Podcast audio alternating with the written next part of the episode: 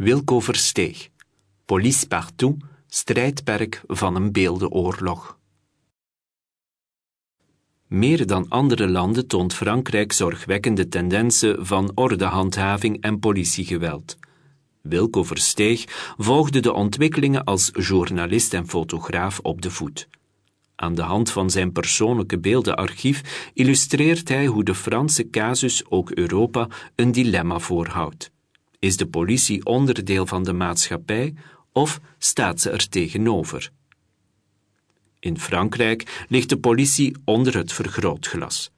Politiegeweld in buitenwijken en tijdens demonstraties kleurt punctueel het nieuws en het maatschappelijke debat. Het beeld speelt zo'n belangrijke rol in deze context dat we kunnen spreken van een ware beeldenoorlog. Iedereen filmt, journalisten, omstanders, demonstranten en de politie zelf. Alle proberen door middel van het beeld aan te tonen dat politieoptreden buitensporig of juist legitiem was. De macht van het beeld is vaak overschat, maar in het aanklagen van politiegeweld is het tamelijk efficiënt. Een verwijzing naar de Black Lives Matter-protesten van het afgelopen decennium volstaat. De belangrijkste beelden van politieoptredens komen de laatste jaren uit niet-journalistieke bronnen. Omstanders die filmen, bewakingscamera's, livestreams die dankzij sociale media de hele wereld rondgaan. Een recent Frans wetvoorstel, op het nippertje tegengehouden door een hoogstaatsorgaan, probeerde de paal en perk te stellen aan deze democratische beeldcultuur. Het verbood verspreiding van beelden waarop agenten identificeerbaar zijn tijdens de uitoefening van een functie. Logisch lijkt het dat men angst heeft dat de priemende ogen van de burger elk politieoptreden verdacht maken. De pertinente documentaire Un pays qui se tient sage 2020, die voor een groot deel bestaat uit door burgers opgenomen beelden, situeert recent politiegeweld in een culturele context waarin de politie soms vrij spel lijkt te hebben. Er is niet alleen sprake van structureel, maar ook structurerend politiegeweld. Ook een fictiefilm als het succesvolle Les Miserables 2019 verwijst naar de complexe problematiek rond ordehandhaving en beeld. Het beeld speelt een paradoxale rol. Doordat camera's alomtegenwoordig zijn, zijn ze in staat direct mistoestanden vast te leggen die anders ongezien zouden blijven. Tegelijk zijn we sceptisch geworden over het beeld als bron van kennis. Photoshop, filters en deepfakes zijn aan de orde van de dag. Camera's zijn dan ook allerminst een neutrale aanwezigheid in de publieke ruimte. Ze leggen niet alleen vast, maar nodigen uit tot enseneringen en performances. En lokken dus evengoed gedrag uit. We moeten ons blijven afvragen wie de beelden maakt, waar we naar kijken, maar ook waarom we kijken. Zijn we uit op waarheidsvinding of op instrumentalisering van beelden? Het is echter van belang voorbij reflecties op de beeldcultuur te geraken. Uiteindelijk is politiegeweld een fundamenteel politiek en geen esthetisch probleem. Hier doemt een grote vraag op. Welke rol mag en kan politie innemen ten opzichte van de eigen bevolking, tijdens, maar ook zeker na een crisis? Een blik over de Franse grens waarschuwt ons dat waar de politie de rol van een veredelde klusjesman van de staat gaat vervullen, de fundamenten van rechtsstaat en democratie aangetast worden. Pompier d'État de lockdown met haar vrijheidsbeperkingen heeft ook in België en Nederland geleid tot kritiek op de politie. Agenten die op feesten de jongeren inslaan, paarden en waterkanonnen die vreedzame demonstranten wegvagen, hardhandige handhaving van minieme overtredingen door gehoorzame burgers. De coronacrisis heeft de verhouding tussen politie en het grote publiek op spanning gebracht waar het eerder vooral gemarginaliseerde en gecriminaliseerde individuen en groepen waren, die zich vaak meewarig aangehoord door een zich onaantastbaar wanende goegemeente beklaagde over gewelddadig en willekeurig politieoptreden, heeft nu ook de doorsneeburger kennis gemaakt met dit gedrag. Het mag een klein wonder heten dat de inperking van essentiële vrijheden in Nederland en België niet met grotere onlusten gepaard is gegaan. De keuze om te feesten en te demonstreren tegen een beleid dat een dodelijk virus probeert in te dammen, is discutabel. Maar belangrijker is de vraag of de politie niet te veel als een wonderdoekje voor politieke en maatschappelijke problemen wordt gezien. Frankrijk is sinds de aanslag op Charlie Hebdo in januari 2015 een hotspot van politiek protest. Als journalist en fotograaf begon ik toen allerhande protestbewegingen en maatschappelijke issues te volgen. Van antifascisten tot royalisten, van terrorisme tot vluchtelingencrisis, van politiegeweld tot emancipatiebewegingen. Vooral tijdens de gele hesjes de massale volksbeweging die vanaf november 2018 de macht angst aanjoeg, was ik getuige van een pijlsnelle ontsporing en ontaarding van demonstraties in ware atrocity exhibitions. Het is een cliché dat gewelddadige demonstraties nu eenmaal deel zijn van de Franse volksaard. Daardoor ligt een zekere depolitisering van protest op de loer. Protest in Frankrijk is een terugkerend fenomeen, maar juist daardoor niet vrij van politiek en zelfs essentieel voor politieke participatie van onderuit in een strikt hiërarchisch georganiseerd land. Frankrijk toont, meer en eerder dan andere Europese landen, bepaalde tendensen in de ordehandhaving en de kritische bevraging van deze politiedoctrines aanklachten tegen racistisch gemotiveerd politiegeweld, zoals het boek Lettre à Dama 2017 van Assa Traoré over haar tijdens een arrestatie omgekomen broer, Mort d'un voyageur 2020 van Didier Fassin over politiegeweld en het van maatschappelijk geweld doorspekte werk van Edouard Louis staan hoog in de bestsellerlijsten. Sterke en geëngageerde maatschappelijke instellingen en actiegroepen, een machtige wapenindustrie die vergevorderde militarisering van politie in de hand werkt en grote sociale spanningen die onder andere samenhangen met de koloniale geschiedenis, maken van Frankrijk een land waar problemen die ook in andere landen spelen uitvergroot voorkomen. Frankrijk heeft van oudsher een problematische verhouding met haar politie. Opgericht onder het Vichy-regime is de Police Nationale een organisatie die maatschappijbreed met het nodige wantrouwen wordt bezien. Dit wantrouwen uit zich het meest in de banlieue, die bijna dagelijks worden geconfronteerd met buitenproportioneel optreden waarbij niet zelden doden vallen. Daarbij blijft de politie zelf niet buiten schot met in twintig jaar een verdubbeling van geweldincidenten tegen agenten tot ruim 27.000 per jaar, een stijging waar overigens ook de brandweer en andere publieke functionarissen mee te maken hebben. Al tijdens het Second Empire in 1851 sprak Victor Hugo in het parlement gevleugelde woorden, die nog steeds met graagte door de straten klinken tijdens demonstraties. Police partout, justice nulle part. In de eerder genoemde documentaire Un pays qui se tient sage, waarin gewelddadig en zelfs strafbaar optreden van de politie tijdens de opstand van de gele hesjes expliciet wordt getoond, stellen enkele critici dat Frankrijk langzaam afglijdt richting een politiestaat. Er wordt gesteld dat de politie is verworden tot pompier d'État, een dienst die met kracht allerlei brandjes blust zonder dat er aan de onderliggende ontvlambaarheid iets wordt gedaan.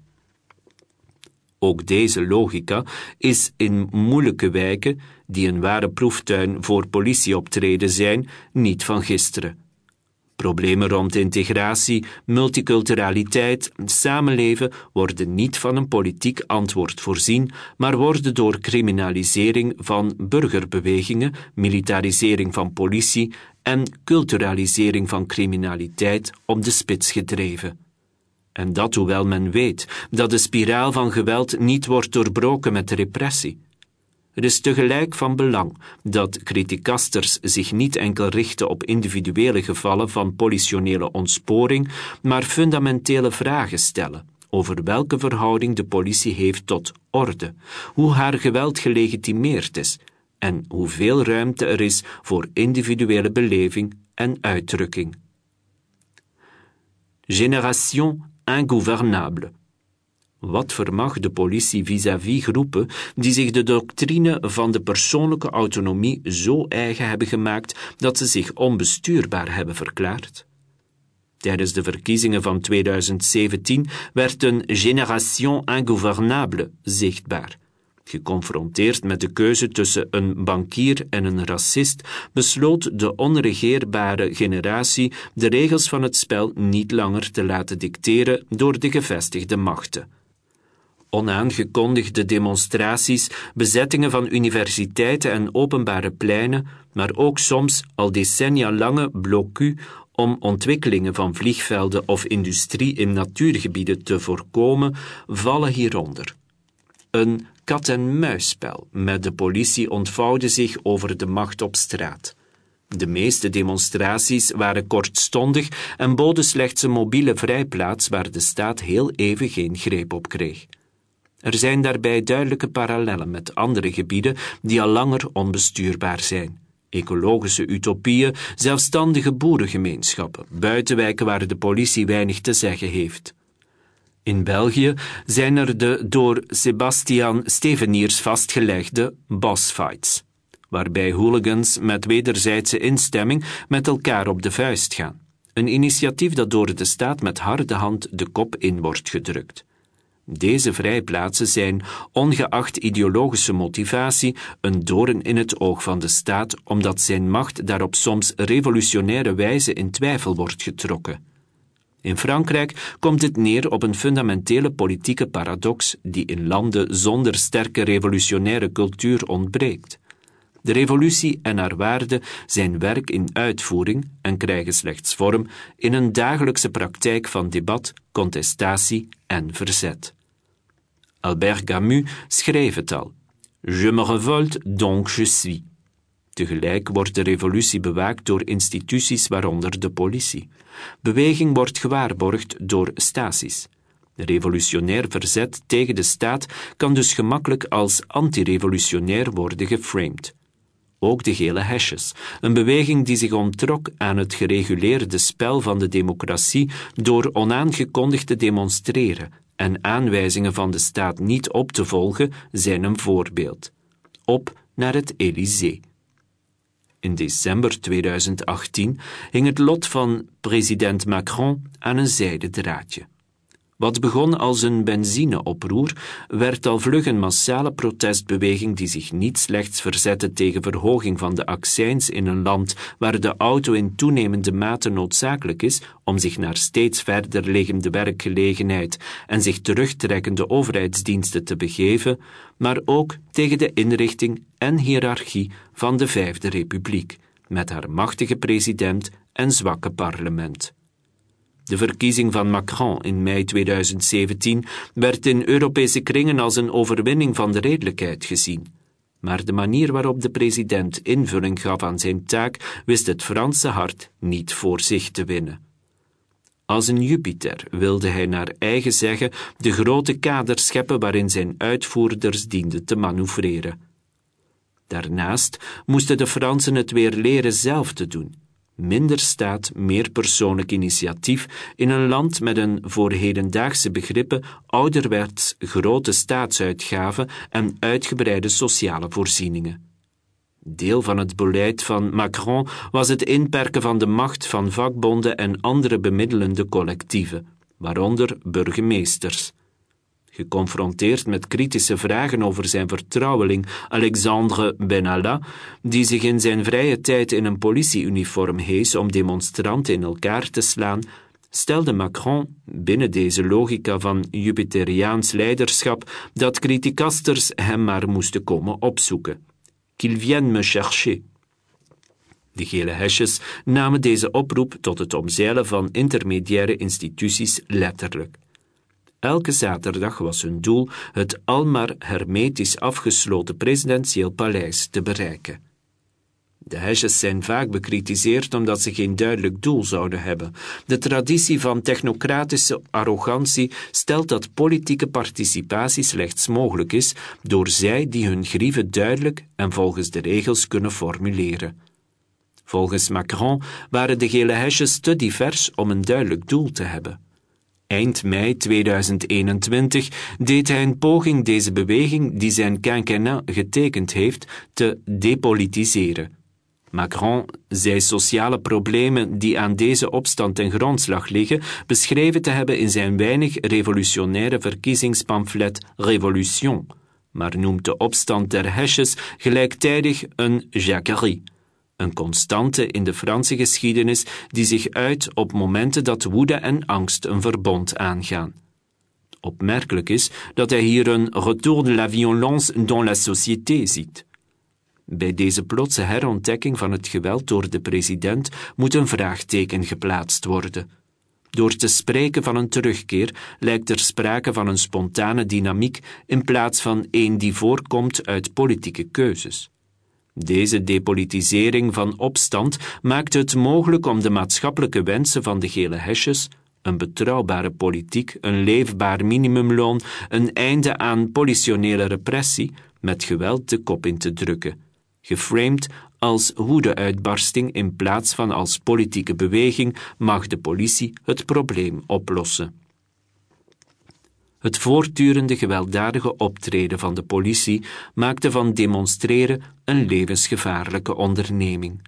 Naast honderden preventieve arrestaties door de massaal gemobiliseerde veiligheidsdiensten is vooral de toename van het gebruik van semi-letaal wapentuig, zoals TNT-granaten en rubberkogels, een splijtswam.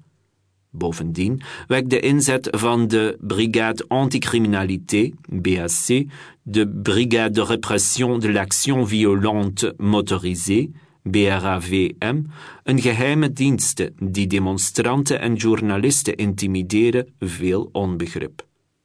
Hier zien we duidelijk de logica van hedendaagse politieoptredens. Militarisering van de politiemacht, criminalisering van protest en surveillance. Als we willen zien waarin deze logica kan uitmonden, dan hoeven we maar naar de Verenigde Staten te kijken. Langdurige ontwikkeling. De gele hesjes zijn slechts een recent voorbeeld waarbij een langduriger dynamiek van gewelddadige ontsporing zichtbaar wordt. Deze ontwikkeling is ook al zichtbaar in de koloniale context. Het door Frankrijk bezette Algerije diende als proeftuin voor het ontwikkelen en testen van doctrines van ordehandhaving en wapengebruik. Na de officiële onafhankelijkheid verplaatste deze proeftuin zich met een aanzienlijke Algerijnse gemeenschap naar buitenwijken rond de grote steden, die door inspiratieloze en gemakkelijk af te sluiten huizenblokken en een duidelijke aanwezigheid van geheime diensten tot uitzichtloze orde werden. De documentairefilm Le Joli Mai van 1963 van Chris Marker reflecteert, onder andere op de nachtelijke jacht op jongeren door veiligheidsdiensten en het oppakken van dissidenten. Dan zwijgen we nog over de massale verdrinkingsdood van honderden Algerijnen in de Seine in 1961. Een recenter voorbeeld, onder president Sarkozy werd de rubberkogel ingevoerd om, vooral een reactie op enorme onlusten in buitenwijken, te dienen als intermediair wapen tussen knuppel die te veel nabijheid vereist, en vuurwapen dat te dodelijk is.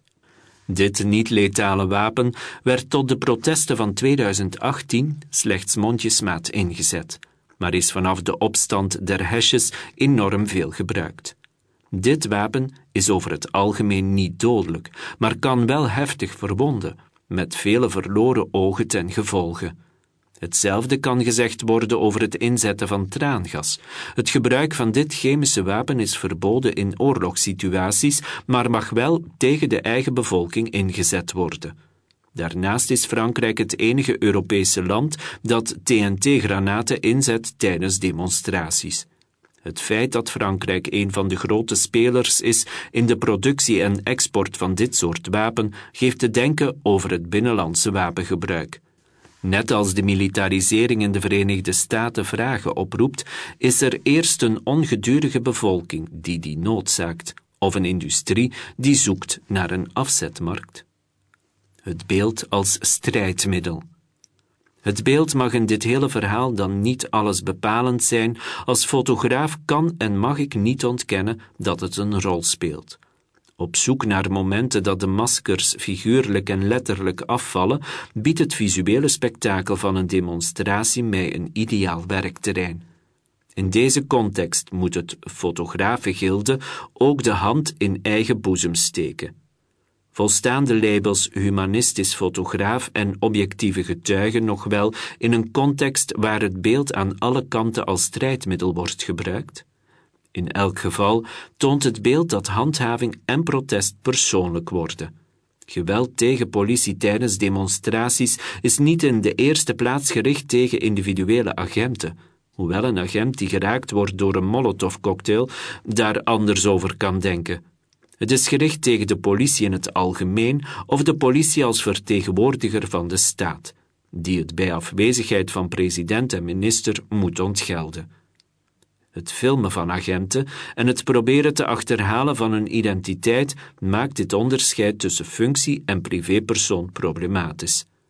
Als tegenhanger hiervan zien we steeds vaker dat agenten op persoonlijke titel aangifte doen tegen mensen die geweld tegen hen hebben gepleegd.